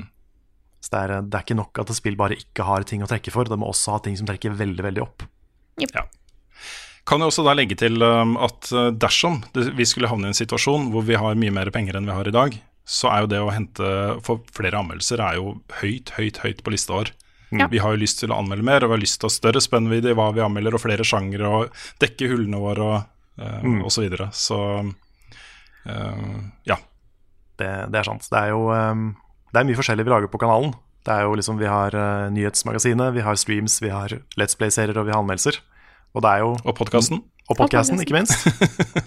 og det er jo på en måte de tre tinga som i hvert fall vi har inntrykk av at er viktigst for folk. da. Det er jo at, at podcasten kommer, at spilluka kommer, og at det kommer en del anmeldelser. Mm. Så det er på en måte det er de tre tinga som vi prioriterer mest, og som vi, som vi føler at er viktigst, og som vi tror andre føler at er viktigst. Godt oppsummert. Partner. Yes. Men jeg håper det var godkjent svar, fordi jeg jeg forstår spørsmålet, som sagt. Det, Mm. I get it. Kan jeg få ta et spørsmål som er litt i forlengelsen av det? For det er også et spørsmål vi får ganske jevnlig. Selvfølgelig. Okay. Eh, og det er fra eh, Espen Pedersen, eh, som skriver Jeg lurer på hvordan det går med Buffkitten AS om dagen. Er stadig nervøs for at dere ikke kommer til å holde på i et år til. Så dette blir en liten update da, på hvordan det går med oss om dagen. Vi har jo nevnt tidligere at vi har inngått et slags løst samarbeid med Gamer og Good Game, eh, som også medfører ikke mye penger, men akkurat nok penger til at i hvert fall jeg kan slutte å altså kan senke skuldrene litt og få litt ekstra på lønna som jeg, jeg måtte ha nå, liksom. Det var ingen annen utvei for meg. Så den høsten her så ser det eh, ganske bra ut for oss. Um, og så har vi også um, fått til en, en eh, i hvert fall en eh, veldig virk... Altså en, en, avtale med Komplett som har stor betydning for oss. En utstyrsavtale for høsten. Fordi nå har vi denne kontorplassen vår på Gamer, og det var jo grunnen til at vi var nede hos Komplett eh, nå på onsdag. Det var jo for å fullføre eh, siste detaljene i den avtalen vi har med Komplett. Og det kommer til å hjelpe oss voldsomt. Det at vi nå har gode PC-er hjemme og på kontoret som vi kan jobbe på. Og rendre video på, og redigere på og spille på. Det betyr ganske mye for oss. Mm. Og det at vi også nå blir en del av et kontorfellesskap, med ikke bare Mm. oss, men også med eh, gamerfolka, det, det er veldig bra. For vi har allerede begynt å liksom pitche ideer og fått, og fått kule ideer til ting. Som, Yes. eh, som vi håper blir noe av, og som vi kanskje til og med kan, eh, kan tjene litt penger på, hvis, det, hvis vi finner riktige aktører og sånn. Mm. Så nå kan dere faktisk flytte inn på kontorene ordentlig, for nå har dere fått dere PC-er. Nå har vi fått oss PC-er, Yes. Yes. Så det blir, eh, nå blir det veldig sånn gamer.no-kontor hver dag framover. Mm. Det blir kjempespennende. Ja, det gjør det, Så det, altså. det er en liten opptur nå, og det er veldig, veldig deilig. Mm. For det har, vært, det har sett litt skummelt ut til tider. Vi har, eh, vi har skrapa Hva heter det? Sk- Skrapa bånd eh, noen ganger, med sånn økonomisk og sånn. Ja, jeg, jeg syns det er greit å nevne for folk at, at sånn rent Dette er et lidenskapsprosjekt for oss. Er, vi gjør dette fordi vi virkelig brenner for det, og fordi vi ikke føler at vi har lyst til å være noe annet sted i livet akkurat nå. Dette er det vi har lyst til å gjøre med. Vi håper virkelig at vi skal få dette her til, til å gå, da. Men øh, snakker for meg selv. jeg går jo litt i minus, faktisk kroner og øre i minus hver eneste måned. Eh, og det akkumuleres, ikke sant. Så i løpet av disse tre og et halvt årene som vi har holdt på, så har det hatt en ganske stor innvirkning på min egen privatøkonomi. Uh, og det kan ikke fortsette veldig lenge. Så vi trenger mer penger. Det er ikke sånn Disse tingene som skjer her nå, og utover vinteren og våren, vil jeg si sikrer i hvert fall drift fram til sommeren, da. Uh, kan jeg, det kan jeg garantere, liksom. Vi kommer i hvert fall til å gjøre det. Men vi må ha mer inntekter. Eh, og noen av de tingene vi gjør nå, kan lede til mer inntekter på, på lengre sikt også. Så vi gjør noen grep nå som er kommersielle, eh, som er økonomisk uh, begrunna, men også redaksjonelt begrunna og eh, et ønske da om å vokse, ikke sant. Om å tjene mer penger og Ja. nå ut til flere. eh, og for noen så høres kanskje det litt skummelt ut, men vi kommer ikke til å selge sjela eller selge meningene våre eller noen sånne, sånne store, fæle ting. Det kommer vi aldri til å gjøre, for da mister vi det vi er. Yes. Så ikke vær bekymra for det. Nei. Vi setter grenser på pressetur til Seattle for å dra til bungee. Det er liksom Vi kommer ikke, vi kommer ikke til å gjøre noe verre enn det. ja. Sorry, Rune, jeg måtte bare tulle litt med den. Nei, det er helt i orden. Helt i orden. Jeg tror hvis jeg hadde fått samme tilbudet bare- bare for- ja, Ja, så- bare for å legge så- til en ting der, da. Hvis det hadde stått noe der om at eh, Rune må mene dette, så hadde vi aldri i verden eh, Nei, nei, nei. sagt ja til noe sånt. Nei, nei, Nei, altså det, vi, eh, vi, eh, vi følger jo på en måte i hvert fall, altså Vi sitter ikke og studerer Vær varsom-plakaten. Og liksom vi våkner opp om morgenen og bare tar en kikk på varsomplakaten og finner ut hvordan vi skal drive selskapet vårt i dag, liksom. Lukter litt på den. Ja. Ikke sant? Den, ja. Men uh, vi følger jo den. Og der står det jo f.eks. at hvis du uh, tar imot betalte turer, eller på annen måte liksom eh, får noe da, fra de du skal dekke på den måten, så skal du informere om det. Altså Det er regler for hvordan du behandler det i Vær. Noe som betyr at hvis du først gjør det, så må du liksom gjøre det på denne måten. Da er det innafor. Vi har alltid hatt en grense på alle NDA-er, og det har ført til at vi har slutta å få spill fra enkelte utgivere på eh, NDA-avtaler og sånne ting, hvor vi blir bedt om å ikke eh, si dette og dette, eller mene dette og dette, eller vise fram dette og dette. Eh, alle sånne ting som begrenser vår mulighet til å si akkurat hva vi mener er mest Vi, da, vår redaksjon, mener er mest eh, naturlig og best å si om dette spillet her, f.eks. Um, alle de avtalene har vi sagt nei til. Og da har da enkelte utgivere slutta å sende oss spill og NDA-avtaler, fordi de vet at ikke vi kommer til å signere dem. Mm. Og en annen ting eh, vi alltid sier nei til, eh, og dette er, sånn, dette er blitt eh, litt sånn tema rundt omkring i YouTube og sånn, eh, dette med å ta betalt for, for å lage uh, en anmeldelse, f.eks. Mm. Det har vi aldri sagt ja til. Og det, mm, altså det, det å få betalt en tur, altså de dekker turen for at vi skal kunne delta på et arrangement, det er på en måte én ting. Men eh, det å få penger inn på konto for å dekke noe, det har vi ikke gjort. Nei, det, kommer aldri til å skje heller. Nei, det gjør det ikke. Det er, eh, det er på en måte scummy på et helt annet nivå. Ja, Men da presisere da at her snakker vi om, om spillinnhold. Altså det innholdet vi Ja. vanligvis lager. Ja, For det å lage innhold som er funda og sponsa av aktører utenfor spillbransjen, det er vi åpne for, så lenge vi har redaksjonell frihet til å lage det produktet vi mener er Yes. best. da. Det fins jo noen, eh, noen reklamer for en kinofilm som gikk på podkasten i noen uker, som kan være et eksempel på sånne ting som vi, vi kan gjøre, for vi syns det er gøy, og det hjelper oss. Ja. Og det er Yes. også fordi da vi ikke anmelder filmer på den måten. Nei, vi gjør Nei. ikke det. Vi snak- snakker litt om film, da, men det, ja. Skal vi ta et nytt spørsmål, dere? ja. Kjør på. Um, jeg kan ta et spørsmål her som er eh, litt rettet til meg, men jeg tar det likevel. Det er fra Simon Simsopp Størkersen, som skriver Hei, lurte litt på om dere kan fortelle litt om fenomenet databriller. Syns det virker interessant, spesielt da jeg merker jeg blir litt sliten av å sitte foran en skjerm over flere timer. Samtidig sliter litt med å få sove om natta. Jeg bruker ikke briller til vanlig. Tok en synstest for et halvt år siden, hvor konklusjonen ble at jeg ikke hadde behov for briller. Er det fortsatt noe å hente i å gå til innkjøp av sånne databriller? Ganske sikker på at jeg har sett Frida i hvert fall bruke noe sånt som så ut som da, ved flere anledninger hadde satt pris på litt info. Disse brillene som jeg har, kjøpte jeg for over fem år siden, og er det beste kjøpet jeg har gjort i mitt liv. Det Til, info, til info som altså da nevner at Frida sitter med de databrillene nå. Ja. Ja. Ja. Jeg sitter med de hele dagen på jobb jeg sitter foran en PC.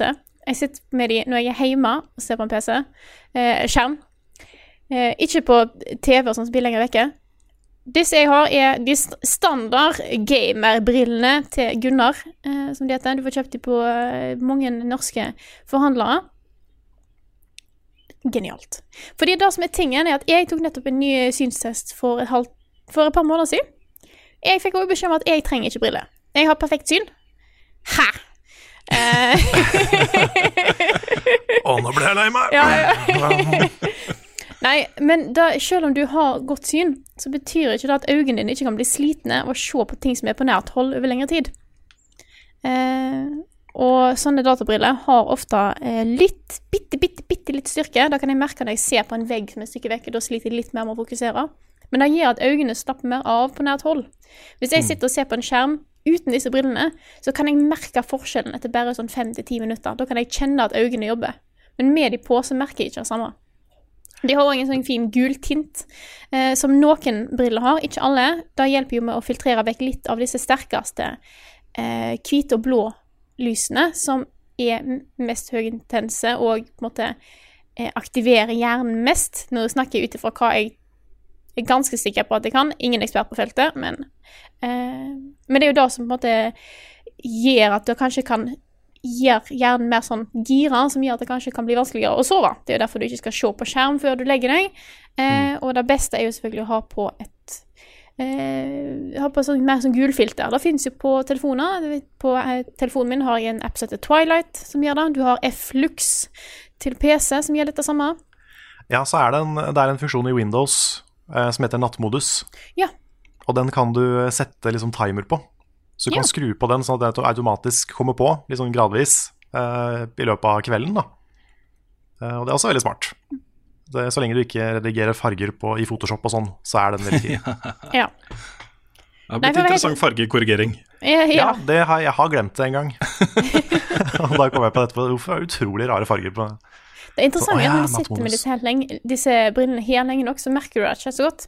Så jeg har jo redigert bilder og sånt med disse brillene på. Eh, da er jeg selvfølgelig litt mer obs på det når jeg holder på, men når jeg tar de av, så plutselig blir alt, blir alt veldig blått. Eh, så jeg må nødt til å på en måte eh, eh, liksom råne øynene litt etter dag. Eh, mm. Kanskje de som faktisk... lagde Astral Chain, hadde det på hele tida, for det spillet er jo bare blått. Ja, det er sant. Det er mye blått. Mm. Eh, helt sant. Nei, så det er mm, helt genialt. Det gjør at jeg ikke sitter og har vondt i hodet på kvelden hver eneste dag, som jeg hadde før. Det gjør òg at siden jeg ikke er så anstrengt i øynene, så blir jeg mindre kvalm av spill. Hei. Så eh, det, det var Jeg var litt redd da jeg kjøpte de, for de var litt dyre der og da. Men fy fader, da eh, angrer jeg ikke på et sekund etter å ha brukt i en dag, tror jeg. Men ok, så kanskje hvis vi gir deg sånn tre lag med briller Ja. oppå hverandre, så kan du begynne å spille FPS og sånn. Ja, det er sånn det funker, ja. Det kan vi teste. Ja, mm. For science. Jeg tror jeg skal bare klippe ut den sekvensen her og så sende det til Gunnar Optics. Ja, Um, bare bare kan du ikke å- sponse oss med sånn triple layer. Det her må i hvert fall kalles en eh, varm endorsement fra Frida. Uten Ja, at hun har fått et sånn- øre for det-. Ja, det er litt at jeg kan, ja, det blir litt sånn jeg snakker om Gunnar-brillene mine, men jeg har ikke noe erfaring med andre merker. Eh, så derfor er det på en måte enkelt å på en måte, ta fram disse. Jeg har disse Mm. veldig smale, så det, det er ikke noe De er jo Det er bare ei tynn metallramme som er her, som gjør at det ikke er i veien for headset heller. Eh, så jeg, jeg valgte de minste og letteste brillene, og da tror jeg òg hjelper litt. Mm. Det er ikke så dominerende. Nei, sant. Og så og så kommer du veldig langt med det gulfilteret på maskiner også. Mm. Altså sånn, Bare skru det på, det hjelper en del, altså. Det gjør Ja. Så det var mitt, eh, mitt tips. Jeg ble jo faktisk anbefalt av optiker å ha et sånt, sånn type briller, bare for å Siden jeg sa at jeg sliter litt med at synet mitt blir litt eh, sløvere på kvelden. Eh, og da sa jeg jeg har det, så Så vet du Nice. ikke det. Mm. I'm, I'm way ahead of you, sir. Ja. Tell me something I don't know. ja. Ja. Skal vi se, skal jeg ta et spørsmål ja, eh, her, jeg kjør på. Ja, skal vi se her, hvor var det hen? Um, jeg fortsetter litt i det sporet med å snakke om anmeldelser og eh, redaksjonelle ting, jeg. Ja. For det er et spørsmål fra Harald Søberg. Han spør i det siste har dere laget lange og dype anmeldelser. Lurer på om dere, om dere er klar over det, om, det gjør dere, om det gjør dere slitne. Hvis det var hyggelig å, å være litt bekymra for liksom helsa vår, det setter jeg pris på. Um, men ja, uh, jeg har lagt merke til det. At anmeldelsene våre er jo De var jo i VG uh, sånn rundt fire minutter, som regel. Noen av de var lange. Men vi prøvde å legge, legge oss på sånn rundt fire-fem minutter. Og nå er det jo veldig ofte rundt ti.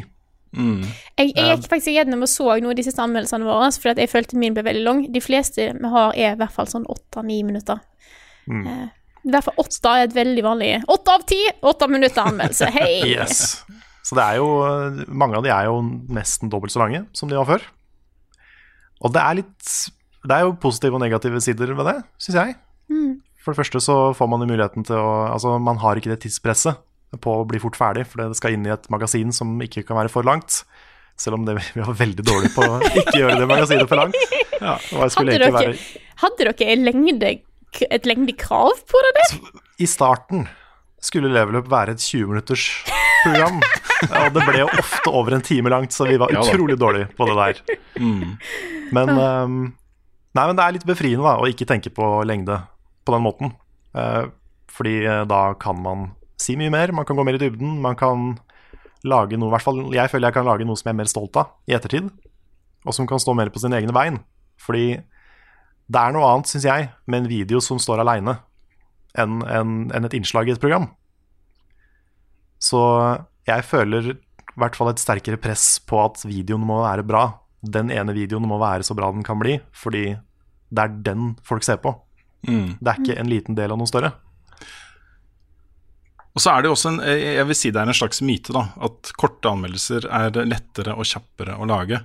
Fordi øh, Ja, hvis man det det må forholde seg til en eh, eh, si fire minutter, da, sånn som vi ofte måtte i VG-tiden, så sitter du med den samme mengden med informasjon som du har lyst til å formidle da, i en ti minutters eller tolv minutters eh, anmeldelse, men du må prioritere og spisse og skrive om og justere masse for å få det her til å bli liksom en god anmeldelse på fire minutter.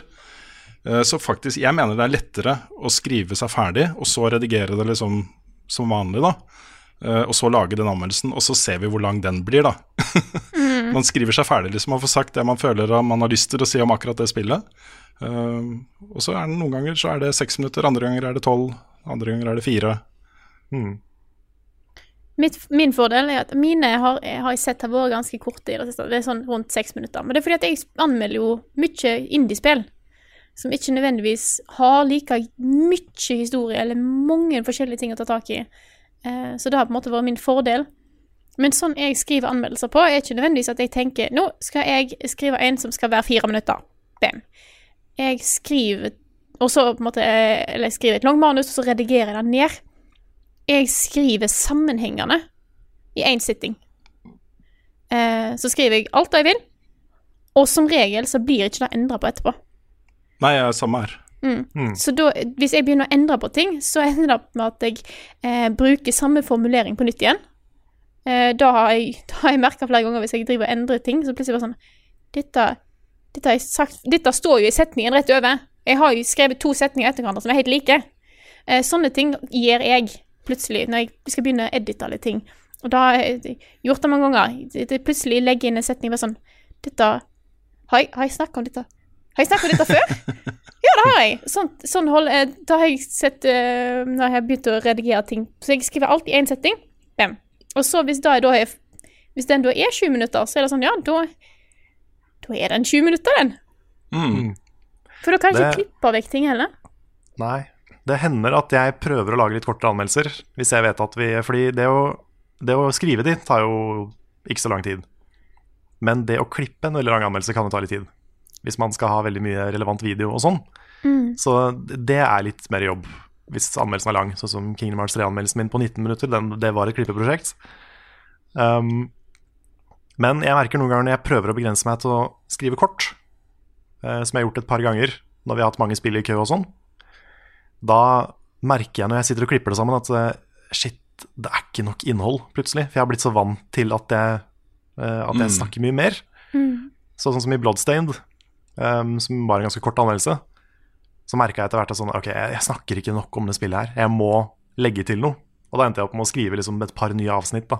Og bare legge inn det, fordi det, jeg følte ikke det var nok. Jeg fikk en sånn her, vet du, det her kan jeg ikke gi ut. det er eh, It's not good enough. Og da Ja, du mer jeg havna på- Jeg havna i det sporet.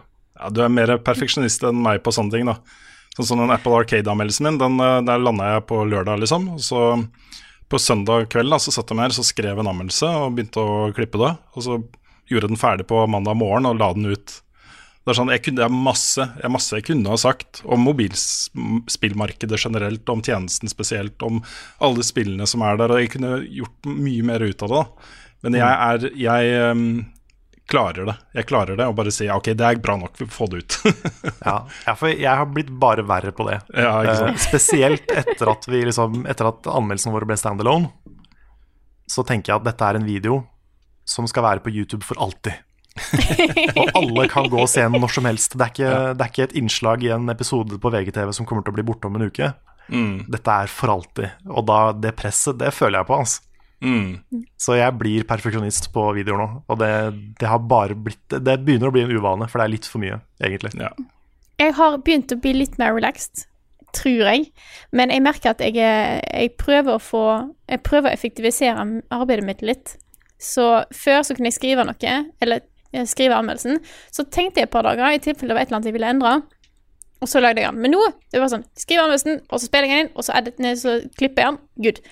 Og så endte jeg ut med det som skjedde med Astral Chain. Eh, jeg, at jeg lå våken tirsdag natt og tenkte dette må endres. Og da hadde jeg klippa hele greia.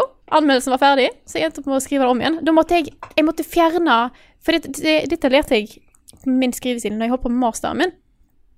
Hvis jeg skal endre noe inn i et avsnitt, så må jeg skrive hele avsnittet på nytt. Hvis ikke så mister han den tråden. Den, den tanketråden som jeg har. Eh, så da endte jeg opp med å gjøre. Måtte bare liksom bare sånn OK, jeg fjerner hele det avsnittet her, og så skriver jeg det på nytt. Det, da jeg litt. Det går ikke an. Så da korter jeg ned ting helt umulig. Går ikke an. Jeg prøvde jo korte ned Jeg prøvde seriøst, aktivt, å korte ned Astral Chain-anmeldelsen, for jeg tenkte den var for lang. Og jeg fikk kutta ned 15 sekunder. Ja, ikke sant? Fra 12, litt over 12 minutter til rett under 12 minutter. Da var alt jeg klarte å kutte. Så da, da, det bare ga jeg opp, egentlig. Ja. Ja, det er tricky, det der, altså. Ja, det Jeg det. husker i, i VG, da jeg var ganske ny, så snakka jeg utrolig fort i, i videoer. Og det var både fordi jeg hadde dårlig tid, og fordi jeg var nervøs. Det var en sånn blanding. Um, men jeg klarer ikke å gå tilbake og høre på de videoene, for jeg snakker så utrolig fort. Og jeg snakker så utrolig tregt i mine første. Herregud. Ja, ja. For jeg var jo sikker på at det var ingen som forsto hva jeg sa. Nei, sånn, ja. Mm. Så hvis du ser på f.eks. søknaden min til Level Up, så går det så tregt. Å, fy fader. Så da er, jeg har speeda opp jeg med årene, fordi jeg innser at jeg kan bare snakke vanlig, og så tar vi det derfra. Før så var det sånn at jeg måtte liksom aktivt prøve å snakke veldig rolig og tydelig, sånn at alle skulle forstå denne rare jenta fra Vestlandet. Så må vi jo eh, sånn- tekste alle anmeldelsene dine også, da, Frida. Ja, er På bokmål. Ja. ja. På norsk. på norsk. På norsk. På vanlig. Men uh, en aller siste ting, da, for vi kan gå videre snart. Jeg, bare, en siste ting jeg har lyst til å si. Um, det er hvis jeg får en idé til noe, så må jeg gjøre det. Og det er noen ganger litt, u- en liten ulempe. Sånn, um, sånn som for å ta Kingdom Hearts-anmeldelsen igjen. Så fikk jeg en sånn idé Kanskje det er litt gøy hvis jeg lager en sånn Paradise Hotel-intro med da hodene til The Organization i Kingdom Hearts. Kanskje det blir morsomt? Altså, jeg tror det blir morsomt. Det blir helt sikkert morsomt. Nå må jeg bruke noen timer på å lage det. Ja. Og det, Ja. de får jeg en del ganger. Mm. Altså, når ideen først setter seg, så må den gjennomføres. Og det, da kan man henge seg opp i litt ting i klippen og sånn. Men, eh, men ja. Jeg har et eh, eh, Dere er klare for å gå videre? Ja. Jeg har et veldig bra trilemma her, fra Runar Ja. Njåtun Krøyver. Oi. Eh, Krøyer. Uh, han har to trilemmaer. Eh, han skriver har enorme mengder indiespill på radaren som dere stadig anbefaler, men begrenset med tid og budsjett. Har derfor et par trilemmaer til dere i håp om å finne kremen av kremen. Og hør her nå. Ja, jeg har sett den Første, trilemma. Celeste, Dead Cells eller Hollow Night? Det der går ikke, altså. Nei, det er vanskelig. Åh. Jeg ville sagt Hollow Night, men uh, Jeg ville også sagt Hollow Night. Ja, jeg har ikke Um, spilt hele Hollow Night, så jeg, har, jeg føler jeg har ikke noe å tilby i det dilemmaet her.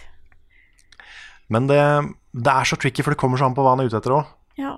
Fordi Celeste er et, først og fremst et plattformspill med en veldig fin story. Hollow Knight er et Metroidvania eh, med en veldig sånn kryptisk eh, story, som man må grave litt for å finne. Og, men et, et utrolig bra design av Metroidvania, Så hvis du er glad i den sjangeren, så vil jeg si svaret er Hollow Knight. Hvis du er glad, mer glad i plattformspill, så er det Celeste. Dead Cells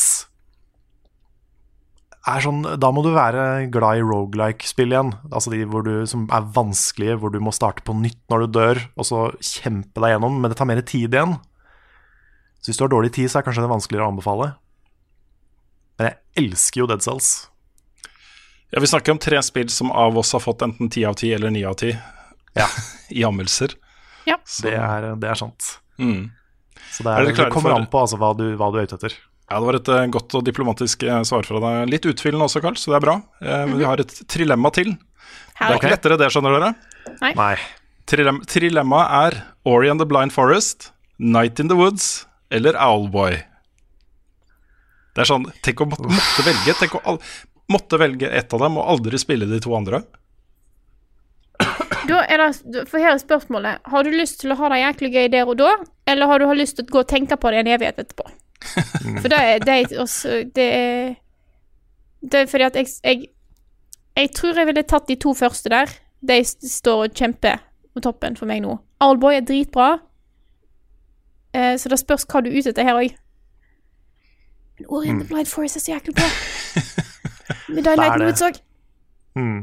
Ja, Ori er et sånt spill som er utrolig flott og gøy å spille og rørende og alt mulig. Det er en veldig intens opplevelse der og da. Mm. Night in the Woods er et spill som har satt seg i huet mitt og aldri slipper taket. Det tenker jeg på så ofte. Eh, og jeg spilte det for to år siden. Så eh, det er noe helt eget med det for meg. Men det er også et spill som er veldig slow-paced. Uh, har ganske lite vanlig gameplay i seg. Det er jo mer en historie. Og det er noen tidspunkt som nesten- er litt kjedelige. Ja, når Nei. du spiller det, så kan det være litt sånn opp og ned Ja. i underholdningsverdi. Så det, det er litt da, da. Så spørsmålet er hvis For jeg tror Night in the Woods vet vi treffer noen personer mer enn andre. Mm. Da har vi jo bare sett innad i redaksjonen òg. Ja, hvor gammel er denne personen? Ja, det er òg et spørsmål. Ja. Hvis du, hvis du har veldig sterke minner om liksom det å være midt i 20-åra og være litt sånn Kanskje ha en liten identitetskrise og litt sånne ting. Eh, komme hjem til en by og ikke helt føle seg Altså Hvis du sliter med å finne, finne, finne deg sjøl, da tror jeg Night in the Woods kommer til å treffe deg som en kule. Hvis du er glad i actionplattformer, action- så er ordet and the Blind Forest uh, straight up your alley, for det er bare helt Og amazing. Owlboy. Og Owlboy. Ja. Eh, Ja, altså For meg så er det jo Night in the Woods jeg er mest glad i. Men jeg ga jo Ori en terningkast seks i VG, liksom, så det, det er vanskelig. Ja, det er tre kremspill. Jeg, ja. hvis jeg skulle velge ett av disse, så hadde det stått mellom Ori eller Alboy for min del. Mm. Veldig glad i de to spillene. Jeg vet ikke hvem av de jeg er mest glad i. Som jeg sier, alle seks. Alle seks. Alle seks. Du må rett og slett bare få mer tid, altså. Og mer penger. Det er sånn det, Sorry. Ja, Fordelen da med noen av disse spillene er at det er jo ikke sånne der 100-timersprosjekter. De kan jo faktisk fullføres på altså, ja. ja. Mm. Ja, av de seks spillene så er vel Hollow Night lengst. Det vil jeg også si, ja. Mm. Celeste er ganske langt, altså. Det tar litt tid. Ja, I hvert fall hvis du skal, hvis du skal ha 100 av det. Ja, eh, hvis du har lyst til å ta alle B-sides og sånt. Eh, så det er, Det- er en, det er en ting som må tenkes på. Kan jeg få ta et veldig kjapt eh, spørsmål til? Ja. Det er fra Jon Magnus Restad, som lurer på om noen av oss har sett Ad Astra. Eh, Han skriver jeg så den i går og må innrømme at jeg ble noe skuffet. Litt kjedelig, rett og slett. Hva synes dere? Jeg så den på Imax på mandag, var det vel det, tror jeg. Og hadde gleda meg kjempemye. Men jeg er jo sånn, jeg ser jo ikke trailere, og jeg leser ikke om filmene på forhånd. Alt jeg visste, var eh, nær fremtid, space, Brad Pitt. Det var liksom det jeg visste, da. Bare, det er nok for meg til å tenke at den filmen har jeg så lyst til å se. Jeg vil se den på Imax, fordi når du skal ut i verdensrommet og har muligheten til å se det på den svære fucking skjermen der, på, i de setene og med den lyden og alt, det er en så storslagen opplevelse. Men jeg er veldig enig med Jon Magnus eh, der, altså. At den var litt kjedelig. Det er en ekstremt Jeg var ikke klar over at det var liksom Det er en veldig introvert film, og mye monolog. Uh, Brad Pitt, uh, da i rollen som Den rollen han spiller, ikke som Brad Pitt, snakker mye til seg selv og med seg selv og funderer over ting og sånt. Uh, og han er veldig Han har på en måte dedikert livet sitt til space exploration. Eh, for, the greater, for the greater mankind, eller hva begrepet er. Um, uh, han um, har gjort det ved å liksom ekskludere alt annet. Og er kjent for å være sånn en veldig even Steven-person. Han blir aldri, Pulsen hans går aldri over 80 og er veldig lugn og alltid liksom mentalt stabil og alt det her, liksom. Så skal han ut i verdensrommet på et oppdrag som er veldig personlig, da. Um, men han er liksom det, det er ting her som er veldig interessant. Du får se liksom hvordan eh, det kan se ut hvis månen blir kommersialisert. Du får se liksom månebaser med, med uh, Duncan Donuts-sjapper sjapper og, og sånne ting. Og svære annonser, billboards og sånne ting. Eh, du får se hvordan det ser ut ved kolonisering av Mars. Det syns jeg var dritspennende. Og så reiser du liksom enda lenger ut. da Og de scenene der hvor du er ute i verdensrommet i vårt solsystem og sånt, og få se vistaene, liksom. Det, det er sånn, det treffer meg skikkelig. Så det er verdt, for meg var det verdt å se den. Men historien i seg selv var litt kjedelig, syns jeg.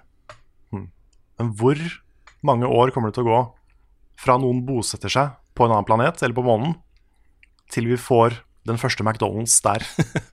Det går ganske umiddelbart, tror jeg. Det kan gå ganske fort, altså. Ja, fordi det som skjer nå, ikke sant eh, Folk jobber jo med kommersialisering av dette her. eh, månefart og planer for å bygge hoteller og, og drive med space tourism og sånne ting.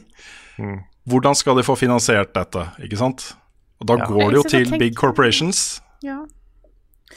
Jeg sitter og tenker på um, For det, det, det, det du må få til når du skal få til sånne ting som dette her, er at du eh, Nå, nå er det, eh, planleggingsbiten i meg som er på plass.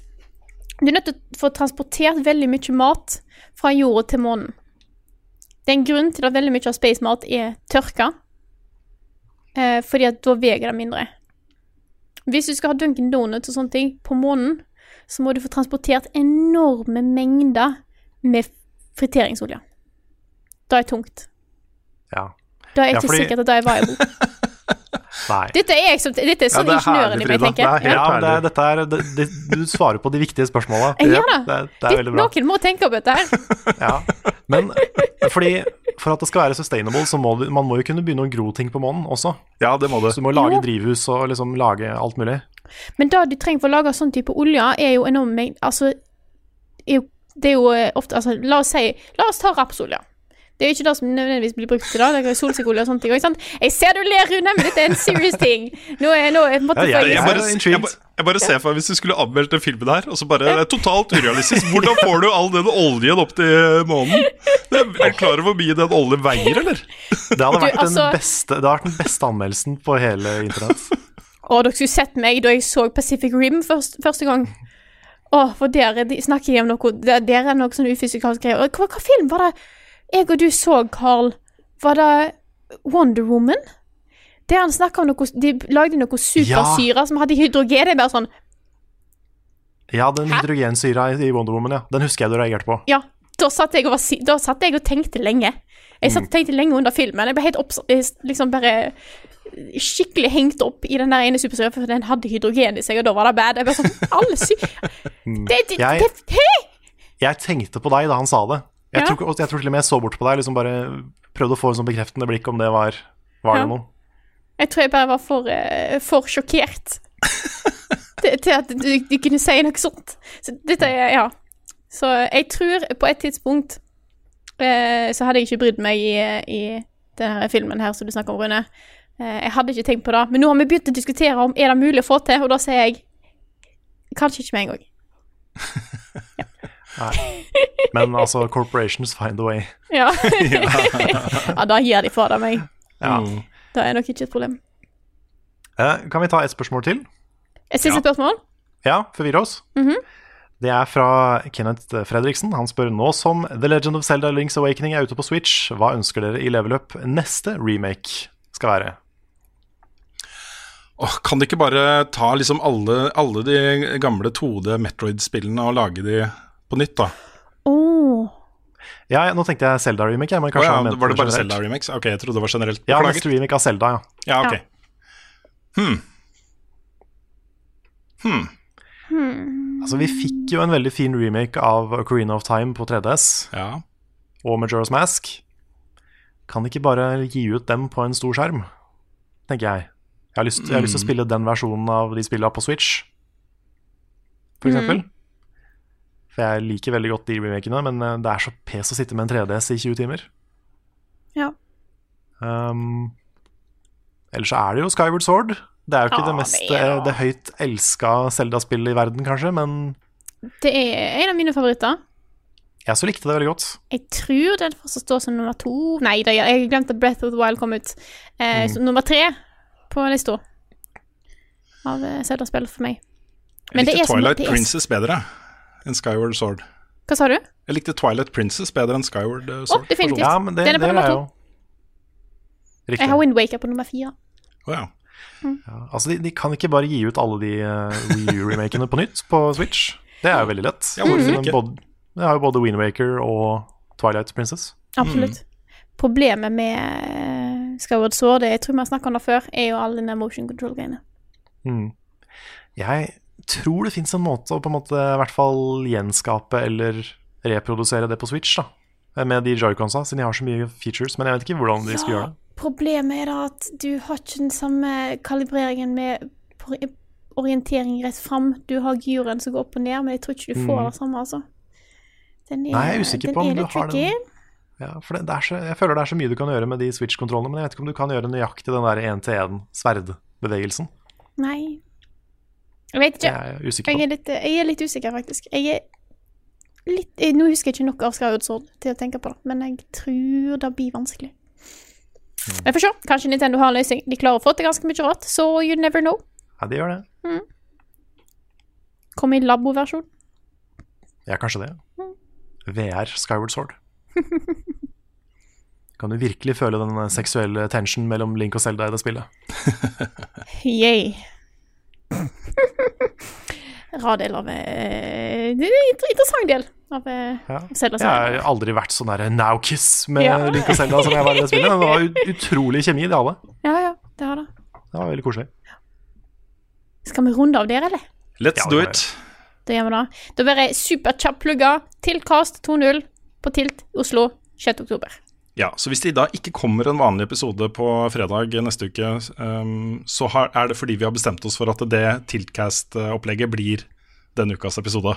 Vi har ikke bestemt oss ennå. Nei, vi har ikke helt bestemt oss ennå, men jeg tenkte bare å nevne det, det. i tilfelle det går og venter, og så kommer den ikke, og så ja. Ja, for det blir vel da enten ikke noe nå på fredag, eller fredagen etter.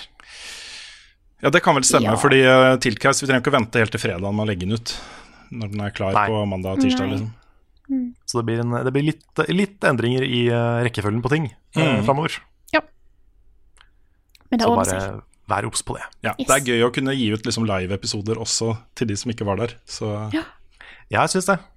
Det blir en litt annerledes episode, men det, man kan jo på en måte føle litt på det selv om, ikke- selv om ikke man er der. mm, Det er nok bedre å være der, så hvis du kan, kom til Tilt. gjør Yes. det. Yes. Gjør det. Så vil jeg også si tusen, tusen, tusen, tusen, tusen takk til alle dere som støtter oss på Patron. Dere er flotte folk, og vi kunne ikke gjort det uten dere. Så tusen takk. Ja, vi var innom, Tusen, tusen takk. innom det tidligere i podkasten også, men uh, det er jo bare pga. den støtten vi får på Patron. Det er grunnen til at vi er her. Vi hadde ikke vært der uten dere, så yes, tusen takk. Tusen takk. Så hvis du som hører på syns at vi lager bra innhold, og har eh, lyst til å støtte oss, er det bare å gå inn på patron.com slash levelupnorge og støtte oss med det beløpet du føler for der. Og med det så sier jeg tusen takk for oss. Takk for at du har hørt på denne episoden her av Level Backup. Og så snakkes vi igjen neste uke. Kanskje vi finner ut av det, men i hvert fall tiltkast.